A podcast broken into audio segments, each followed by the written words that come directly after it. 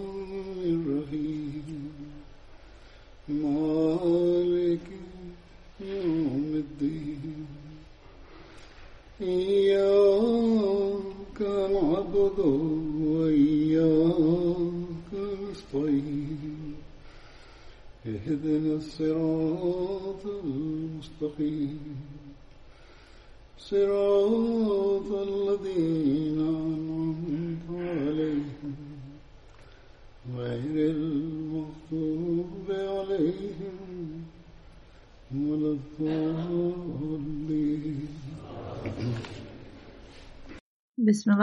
rahim Hazur kaže, nastavit ću da govorim o ashabima koji su učestvovali u bici na bedru.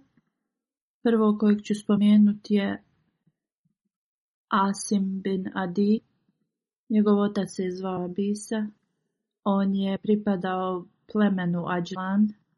Hazreti Asim je bio jedan od vođa tog plemena.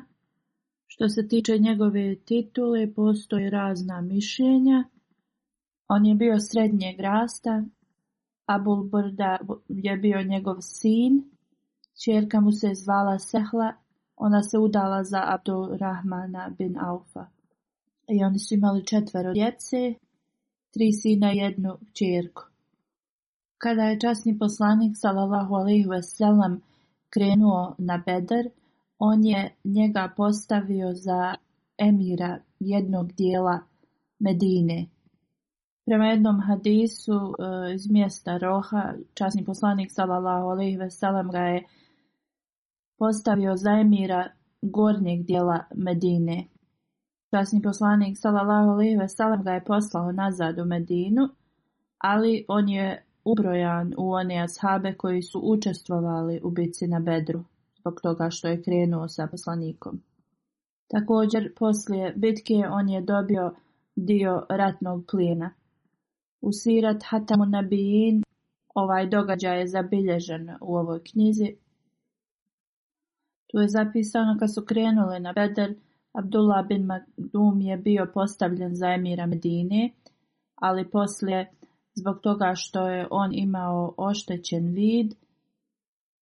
Poslanik sallallahu alejhi ve ga je postavio za imamul salat, onaj koji će predvoditi sala, namaz, a Abu je bio postavljen za emira Medine, a onda za ljude koji su živjeli u gornjem dijelu Medine, poslanik sallallahu alejhi ve je postavio za emira Asima bin Adi. Hazreti Asim je učestovao u bitci na Bedru i Uhudu, također u svim ostalim bitkama uz časnog poslanika sallallahu alaihi veselam. U 45. godini poslije Hidžre u vrijeme vladavine Amira Muavije on je preminuo. Imao je 115 godina, a prema drugom hadisu se spominje da je imao 120 godina. Kada je osjetio da mu se je smrt približila, rekao je tim oko njega da ga ne oplakuju, da je on živio svoj život u predanošću prema Bogu. Kada je časni poslanik sallallahu alejhi ve trebao da ide u borbu na Tabuku, tada je pitao svoje ashabe i mučne ashabe da dodijele od svoje imovine za tu borbu i ljudi prema svojim mogućnostima su učestvovali i udjeljivali za ovu borbu. Tada je Ebu Bekr radijalahu anhu donio sve što je imao svoje imovine. To je bilo otprilike oko 4000 dirhama, tada je časni poslanik sallallahu alejhi ve upitao Ebu Bekra da li si ti ostavio išta za svoju porodicu. On je rekao, za njih sam ostavio Allahovo ime.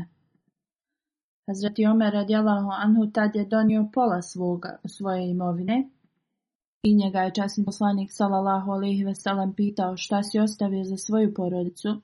On je rekao, ostavio sam im pola moje imovine. Abdurrahman bin Auf tad je dao stotinu okija, to je jednako četrdeset dirhama. I on je rekao Osman bin Afan i Abdurrahman bin Auf da su oni blago, Allahovo blago na površini zemlje, jer oni troše za Allahovo zadovoljstvo. Također tad, u to vrijeme i žene su davale svoj nakit. Također tad Asim bin Adi, kojega sada spominjem, on je dao 70 vask. Vask je jedinica za mjerenje koja je otprilike 2,5 kile. On je tada dao 70 tih vask jedinica e, u hormama, što je bilo vrlo velik, velika donacija. Hazreti Asim bin Adi, njemu je bilo naređeno da sruši džamiju al-Dirar. Detalji o ovome su sljedeći. Hazreti Ibn Abbas govori da Benu Amar bin Auf da je izgradio džamiju izvan Medine i poslao je poruku časnom poslaniku sallallahu alejhi da Zamoluje poslanika sallallahu alejhi ve sellem da dođe u tu džamiju i da klanja namaz tu. Benu Hanan bin Auf, neki ljudi, kada su vidjeli ovu džamiju, oni su rekli i mi smo također napravili džamiju, kao i ovi ljudi. Onda Ebu Amir i još neki čovjek koji je stvarao probleme, koji je bio licemjer, on je rekao napravite džamiju i također tu u džamiji sakrite neka oružja tako da je napravimo centrom spletki. On je rekao ja ću da odem do kralja Rome i dovešću vojsku iz Rome, grupu vojnika iz Rome i onda ćemo da napadnemo onda, onda su planirali da napadnu časnog poslanika sallallahu alejhi ve I tako ta džamija je bila izgrađena. Onda su došli kod časnog poslanika sallallahu alejhi veselem. i rekli su mi smo napravili tu džamiju radi starih ljudi, bolesnih iz tog mjesta koji ne mogu da dolaze u poslanikovu džamiju. I također i oni su tražili od poslanika da dođe i klanja namaz u njihovoj džami. Časni poslanik sallallahu alejhi ve sellem je rekao: "Sada ja se spremam na putovanje, ali ako Bog da kada se vratim, onda ću ja doći da klanjam namaz u njihovoj džami. Kada se poslanik sallallahu alejhi ve sellem vratio iz bitke na Tabuku, on je odsjeo na jednom mjestu koje je sat vremena bilo udaljeno. I onda uzvišeni Allah je objavio sljedeće ajete časnom poslaniku sallallahu alaihi wasallam. وَالَّذِينَ اتَّخَذُوا مَسْجِدًا دِرَارًا وَكُفْرًا وَكُفْرًا وَتَفْرِقًا بَيْنَ الْمُؤْمِنِينَ وإرصادا لمن خارب الله ورسوله من قبل يخلفن إن أردنا إلا الحسنى والله يشهد إنهم لكاذبون Prijevod ovog ajeta je, a oni ljudi koji su izgradili džamiju da nanesu štetu i nevjerovanje i da izazovu podjelu među vjernicima i da omogući mjesto skrivanja za onog koji otprije ratuje sa Allahom i njegovim poslanikom, sigurno će se zaklinjati. Mi nismo mislili ništa osim dobra, a Allah svjedoči da su oni zaista lažljivci. Časni poslanik s.a.v. ve je tada pozvao Malik bin Akšam i Numan bin Adi i upitao ih je da odu tu kod njih. Prema nekim hadisima Hazreti Asim bin Adi i Amr bin Sakan i Vaši koji je ubio Hazreti Hamzu radijallahu anhu i Suid bin Abbas također da je časni poslanik poslao i njih. U šarar Zorkani je zapisano da je možda časni poslanik poslao prvo ovu dvojicu, ali posle je na ispomoć poslao ovu četvoricu za njima. Poslanik sallallahu alejhi ve ih je poslao u mešdžid Derar i upitao ih je da odu tu i da sruše tu džamiju. Oni su stigli tu vrlo brzo tu je se nalazilo pleme Malik bin Bukšam. On im je rekao dajte malo vremena da on donese kao baklju ili neku vatru. On je uzeo neku suhu granu od e, hurme i zapalio je i onda je donio i zapalio je tu taj mešćid džamiju Darar, al kada je džamija zapaljena, oni su pobjegli odatle, s tog mjesta i kada se časni poslanik sallallahu alejhi ve sellem vratio u Medinu, on je želio da da ovo mjesto Asimu bin Adiju da napravi tu kuću za sebe. Asim bin Adi je rekao da on ne želi to mjesto jer uzvišen Allah je u vezi tog mjesta u Kur'anu rekao u negativnom tom smislu i on ne želi tu da se nastani i onda je to mjesto dato drugom ashabu koji u to, u to vrijeme nije imao nikakve imovine, bio je beskućnik. Asim Benadi je tad rekao da on ima svoju kuću i to mu se mjesto kao ne sviđa, i, a ovaj ashab on on je beskućnik i on nema nikakve imovine i tako da može tu da izgradi sebi kuću. Onda je poslanik sallallahu alejhi dao tu zemlju e, Sabitu bin Akramu da izgradi sebi kuću. Prema Ibn Isaku, ljudi koji su izgradili tu džamiju, Alderar, on je spomenuo njihova imena, Ibad bin Hunayd, Jaria bin Amir, Muttama, Zaid bin Jaria, Tufail bin Haris, Jahsel Usman, su bila imena tih ljudi. Abu Amir, njegovo ime je zabilježeno kao Fater i ovi njegovi drugovi su bili svi s njim. Hazreti Mesih ima od kada je jednom otišao u Delhi Vidio je jednu prelijepu džamiju, ali tada je rekao ljepota džamije se ne mjeri njenom izgradnjom i izgledom. Ljepota je u onim predanim vjernicima koji dolaze tu da obožavaju svoga gospodara. On je rekao, postoji toliko džamija koje su napuštene, Džamija poslanika salalahu alejhi ve je bila vrlo mala. Krov je bio grane od drveta od hurme. Ta džamija je prokišnjavala ako bi kiša padala, ali ljepota džamije je u onim vjernicima koji dolaze tu da se moli. Ovo svjetski ljudi su zgradili tu džamiju, ali je bila srušena prema poslanikovim naređenju, ona se zvala de Derar. To je džamija koja je bila, predstavljala je opasnost ljudima.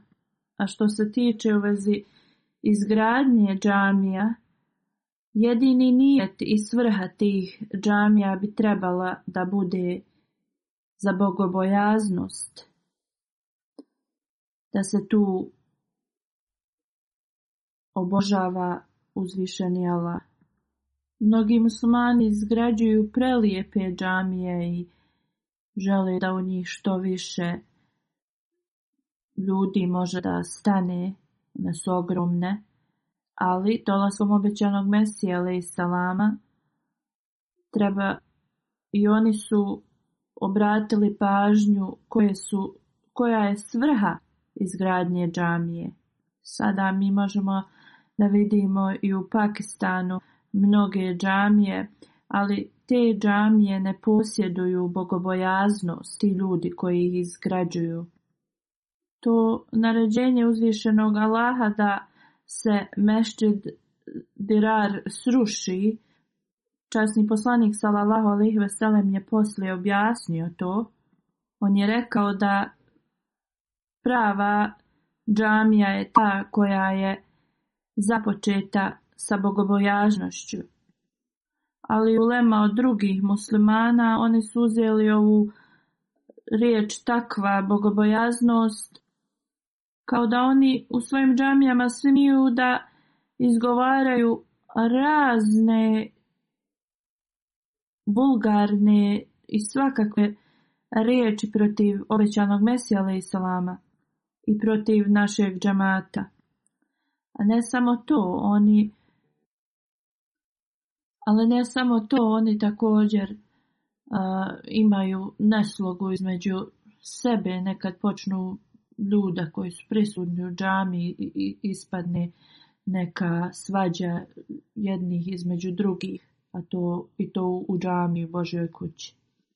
Ovo nam govori da takva bogobojaznost tu je u velikom nedostatku i u njihovim džamijama prava, pravi status i svrha džamije nije, nije na nivou njihova djela. Mi ahvedi muslimani mi trebamo da izvučemo pouku iz njihovih loših djela. I mi trebamo da damo sve od sebe da naše džamije su te džamije započete i pune bogobojaznosti. I prema toj bogobojaznosti mi trebamo da posjećujemo i, i punimo naše džamije. I ovo je realnost i dok gotovo budemo radili nastavit ćemo da vidimo i dobivamo blagoslove uzvišenog Allaha. Zreti Halifatul Mesih prvi na jednom mjestu on kaže on komentariše u vezi ovog Amira koji je bio kršćanin i koji je rekao da časni poslanik sallallahu alejhi ve treba da dođe u tu džamiju i da klanja namaz i također drugi muslimani će doći u tu džamiju i tako da će da postignu da podijele muslimane, da, da, da, da stvori neslogu među njima i tada je taj Amir rekao da je sanjao da je vidio časnog poslanika sallallahu alejhi ve kao da će časni poslanik neuzubila nedola biti odbijen od ljudi, odbačen kao časni poslanik sallallahu alejhi je rekao da to je ispravan je to san, samo što je to bilo njegovo sanje. On samo nije spomenuo ime ko će kao da, da odbaci poslanika. Halifa Tulmesi prvi dalje govori ovo je bila ovo je, bio razlog za, zašto ga nije spomenuo otvoreno da kogod u budućnosti bude radio ovako nešto njegov kraj će da bude sličan ovome a mi sada vidimo šta se dešava ovim oponentima naše zajednice i kakav je njihov kraj. Sljedeći asab kojeg ću spomenuti je Amar ben Auf. Njegovo ime se također spominje, spominje kao Umir. Njegov otac se zvao Auf. Hazreti Amar, njegova titula je Abu Amar. Rođen je u Mekki. Ibn Isad govori da je on bio porijeklom iz Jemena. Historičari su spomenuli i također drugi eksperti uh, u vezi knjiga o hadisima su spomenuli da u vezi njegovog imena postoje različita mišljenja ovih učenjaka. Imam Buhari, Ibn Isak, Ibn Sad, Abdul Alama ibn Asir. Oni spominju da je njegovo ime Amr ibn Hisham, Muhammed bin Umar i drugi spominju njegovo ime kao Umeir, Alama Badruden i Alama ibn Hajran Skalani. Oni su oba dvojica komentatori Buharijeve zbirke hadisa. Prema njima Amar bin Auf i Umeir bin Auf je dva različita imena, ali se govori o istoj osobi. U Buharu je zabilježeno da Amar bin Auf Ansari je bio iz plemena Korejiš, dok drugi to uh, govore da nije ispravno. Badrudin Eni, on je komentator uh, Buharije.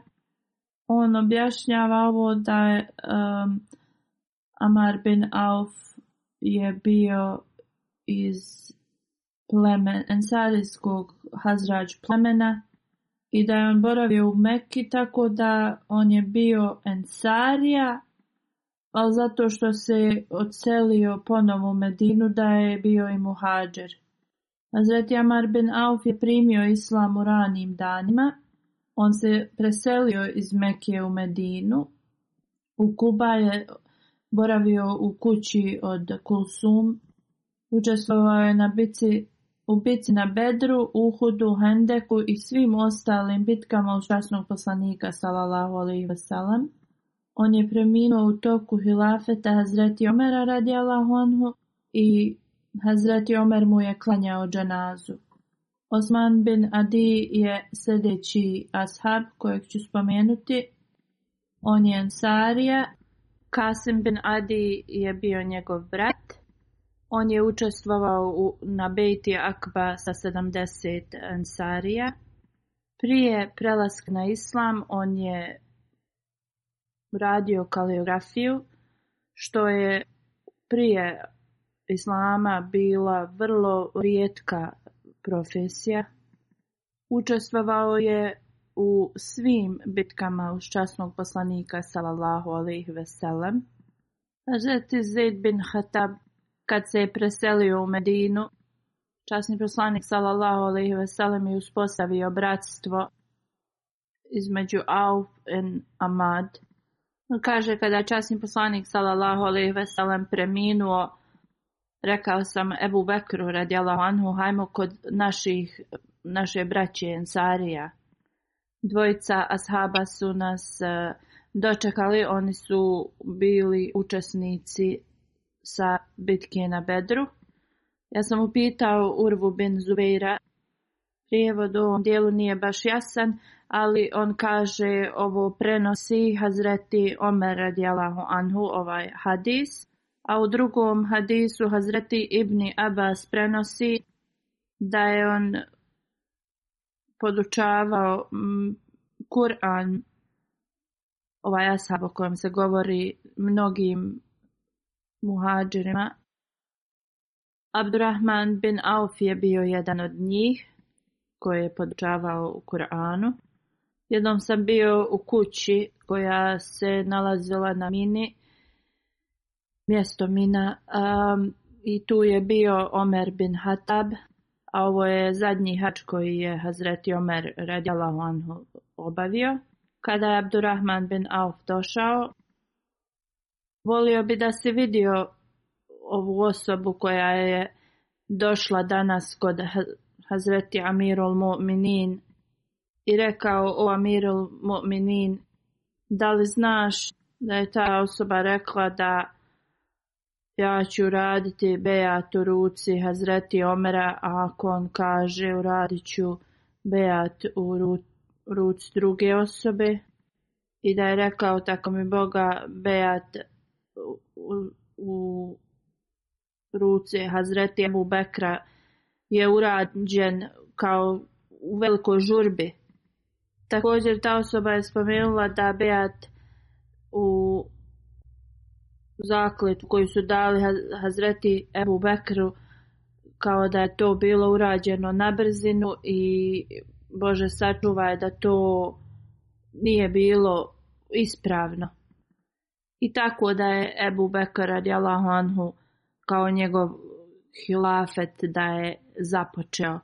Kad je čuo ovo, Hazreti Omer radijalahu anhu je bio vrlo neraspoložen kao tužan Hazreti Omer radijalahu anhu on je rekao da će on to u toku hađa da razjasni ljudima i da odgovori na ove optužbe i ovo ovakvo mišljenje, ali onda Abdurrahman bin Auf i drugi su ga savjetovali da, da je to vrijeme hađa i ljudi od svakle dolaze i da možda neki neće to shvatiti i razumiti i da je bolje da se, da, da se ovome obrati i posveti poslije hađa kada se vrati u Medinu.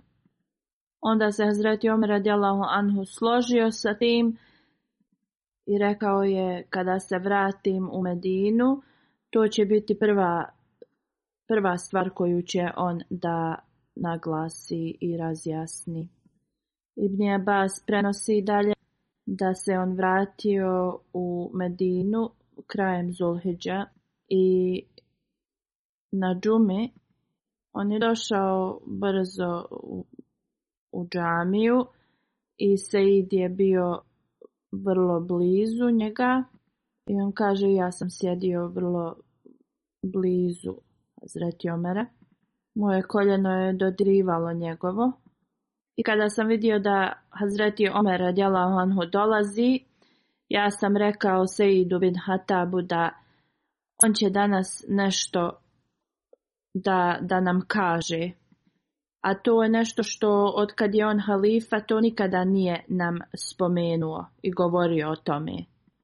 On je gledao u mene i ovo što sam ja govorio to mu je izgledalo kao čudno. Moje riječi su mu zvučale čudno. I rekao mi je ne, on neće ništa reći ne, što, što nam nije rekao prije. Hazreti Omer radijalahu anhu je sjeo na mimber i kada se ezan završio, ustao je, veličao je uzvišenog Allaha. Poslije toga on je rekao, ja ću da vam kažem nešto što je suđeno za mene da vam ja to trebam da kažem. Rekao je, ja ne znam da li će to biti blizu moje smrti, ali gdje god Kamila me odvede, odite tu i ovo što ću vam reći predstavite ljudima na ispravan način, a oni koji se boje da neće razumjeti ovu moju poruku i da je nisu shvatili kako treba, onda ja ne dajem dozvolu nikome da govori o ovome i o meni lažno. Nemojte da me pogrešno citirate. Onda je rekao da je uzvišeni Allah poslao časnog poslanika sallallahu alaihi veselem sa istinom i sva šerijatska naređenja su bila objavljena njemu i onda dugačak dio u vezi šeitana je spomenuo koji Hador kaže ja neću spomenuti sad. Onda je rekao slušajte, časni poslanik sallallahu alejhi ve je rekao da ne smijete i u vezi njega da prevoličavate hvaleći ga kao što su ljudi to uradili u vezi Hazreti Isa alaih salama, trebate da kažete da je on bio Božja sluga. Ovo recite u vezi mene.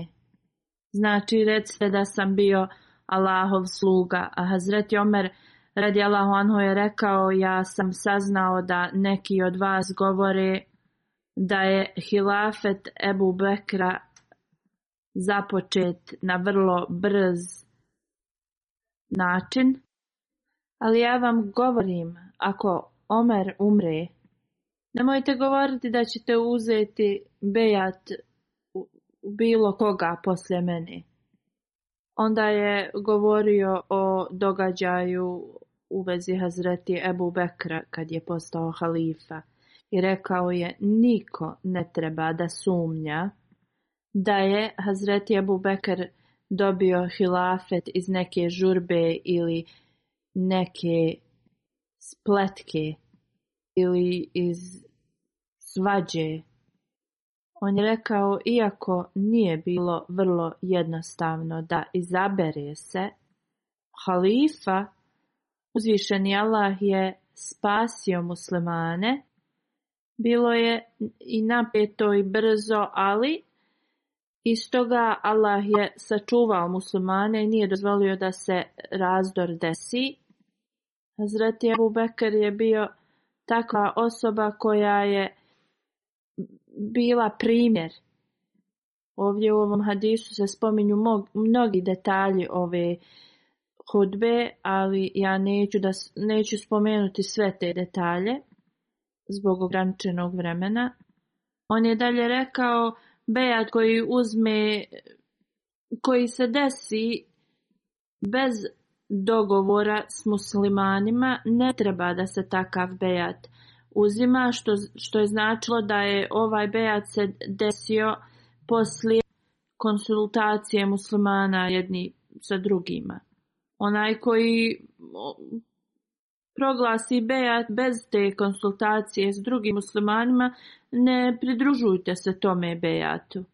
Onda je Hazreti Omer radjala Hanhu spomenuo i rekao kada je časni poslanik sallallahu alejhi preminuo, Ensarije su se bili okrenuli protiv nas i svi mi sa Kifa Benu mi smo se tu skupili Zuberi i drugi ljudi tada su svi muhađeri došli kod Ebu Bekra radijallahu anhu i, rekli su o Ebu Bekar dozvoli nam da idemo kod naše braće Ensarija i da im kažemo šta ovi ljudi iz Ensarija govore.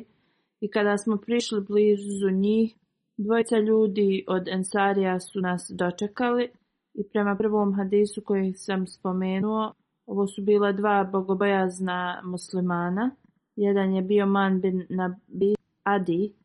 Encarije se složile u vezi jedne stvari i ovi ljudi su to njima prenijeli i onda su pitali o muhađeri gdje vi želite da idete. Oni su rekli mi želimo da se sastanemo sa svojom braćom Encarijama. Oni su rekli nemojte ići tamo kakav god sporazum i dogovor želite da radite, to uradite jedni s drugima, ali nemojte ići tamo. Hazreti Omer radjela Honhu je rekao tako mi Laha, mi definitivno idemo kod ovih ljudi i krenuli smo da idemo kod njih. I u Benu tu je bilo mjesto gdje smo se mi e, sakupili i, i, i sastali se tu Hazreti Abu Bekr, Hazreti Omer i, drugi Ensari je tu se skupili i Hazur kaže postoji e, dugačak opis njihove diskusije i to je u vezi postavljanja Ebu za halifu, postoji dug detalj i neke detalje iz ovoga Hazreti muslima od Radi Anhu je spomenuo. Sakifa Benusajda Ensarije su sjedile tu. Spominjajući ovaj događaj, muslima odkaže. poslije smrti Rasulullah veselem bile su tri grupe Azhaba. Jedna grupa je mislila jedna grupa je bila od mišljenja da islamski sistem se uspostavi, ali to uprava treba da bude od um, člana porodice časnog poslanika sallallahu alejhi ve sellem kao da oni su jedini koji mogu da razume i shvate ovo. Oni su mislili da ako je neko iz različite porodice postavljen za halifu, onda da ljudi neće da prihvate tu osobu i da prate upute i da to neće biti od pomoći instituciji hilafeta i to je značilo da neko od njegove djece ili njegov zet budu postavljeni za halifu. Zeti Muslim kaže da ako je neko bio postavljen iz njegove porodice zato što su ljudi znali da i bili poslušni toj njegovoj porodici tako da će nastaviti da budu poslušni toj, tom članu porodice, kao što ljudi, na primjer, e, su poslušni kalju i kada on premine i onda njegov sin postaje zamjenik i ljudi to vrlo jednostavno prihvate. Druga grupa je bila od mišljenja da neko treba da bude ko je najkvalifikovaniji, a ne da bude iz poslanikove porodice, već da ima kvalifikacije za halifu. Tako da su bili podijeljeni na dva mišljenja i, i nisu znali ko će da naslijedi u obliku halife časnog poslanika sallallahu alejhi ve sellem. Onda su rekli oni koji su bili pod poslanikovom salalahu selem uputom, ti ljudi koji su duže vremena bili, kao što su muhađeri i kurešije da bi to trebao neko da bude od njih. Drugi su bili od mišljenja da pošto je poslanik sallallahu alejhi ve preminuo u Medini, a u Medini su ensarije bili više um, uspješniji, bogatiji i imali veću vlast, da bi neko od njih trebao da bude nasljednik. I onda sad su imali drugi, drugo mišljenje da bude između muhađirina, muhađira ili Ensarija. Ensarije su mislili da je poslanik sallallahu alejhi proveo više vremena tu pod tim islamskim sistemom u Medini i da je to pripadalo njima. Da će oni biti uspješni u, u hilafetu jer u Meki to sistem islama nije ni postojao tako da su oni smatrali da hilafet e, pripada njima. Onda isto su neki govorili da je ovo njihova, njihovo mjesto i njihova lokacija i da ljudi iz tog prostora će više da budu naklonjeni njima i da će njih da prihvate. Tako da nasljednik ili halifa časnog poslanika sallallahu alejhi ve treba da bude od tih lokalnih ljudi, a ne od muhađira, imigranata. A muhađiri su govorili da poslanikovo sallallahu alaihi ve društvo i, i taj period koliko su oni bili s poslanikom, to Ensarije nisu imali i da su oni imali veći kapacitet e, razumijevanja religije i veće znanje u vezi religije i da ovo ne posjeduju ensarije. I tako imali su različito mišljenje i, i ljudi nisu mogli da donesu zajedničku neku odluku. Ensarije se počeli da skupljaju na jedno mjesto i Sad bin Ubada, on je bio poglavica Hazrić plemena. Ljudi su bili naklonjeni njemu i rekli su da bi on trebao da bude postavljen za halifu. Oni su rekli ovo je naša zemlja, naši ljudi, i da oni imaju najbolji interes za islam i mislili su da Sad bin će da bude najbolji prijedlog za, za halifu. Dok su ovome govorili, neko je rekao da ovo muhađeri neće prihvatiti i rekli su mu da on treba da se pobrine za ovo. Onda su oni rekli da trebaju predložiti da jedan vođa bude od Ensarija, a jedan od Muhađira. Sad je bio vrlo inteligentna osoba i on je rekao ovo je prvi nedostatak. Vođa treba da bude ili od nas ili od njih. Reći da jedan bude od nas, jedan od njih, ne shvatate ispravno ni pravu stvar. Ovo će da stvori podjelu u islamu i ovo je neispravno. Kada smo muhađeri saznali u vezi ovoga, oni su došli tu također, kao što je Hazreti Omer spomenuo, da je Hazreti Abu Bekr i drugi ljudi otišli tu, jer su oni bili od mišljenja da ako halifa nije od muhađira da to Arapi neće da prihvate. I u Medini, ako su Ansarije bili vrlo u velikom broju i, i snažni i mućni, ali Mekanlije su imali poseban neki taj status i muhađiri su mislili ako je halifa postavljen od ansarija, da će biti vrlo teško da ostatak Arapa prihvate i da možda radi ovoga mnogi ljudi će da napuste islam.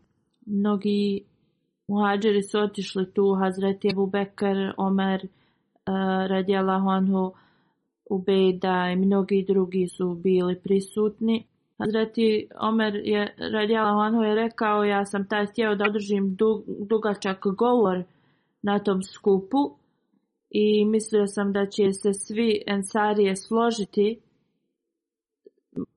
prema mojim argumentima koje je želio da navede i da umjesto ensarija neko od muhađira treba da bude halifa i da će se oni svi složiti tome. Ali kada smo stigli tu, Hazreti Ebu Bekr je ustao i počeo da govori. On kaže ja sam razmišljao kako će Ebu Bekr da ih ubijedi svojim govorom, ali tako mi Boga sve stvari koje sam ja razmišljao da navedem u tom govoru, Ebu Bekr radijalahu ih je spomenuo na tom skupu. A osim toga on je dodao svoje vlastite argumente. I onda sam shvatio da ja se ne mogu takmičiti sa Ebu Bekrom, i, i ne mogu da budem jednak sa njim. Muhađeli su im rekli da halifa vođa iz Kurešija je vrlo važno da se to desi. Također su naveli hadis od časnog poslanika sallallahu La ima tu min Kureš, da vođa treba da bude od Kurešija i zbog toga što su oni vrlo napredniji u religiji i u njihovim žrtvovanjima koje su od početka islama podnijeli.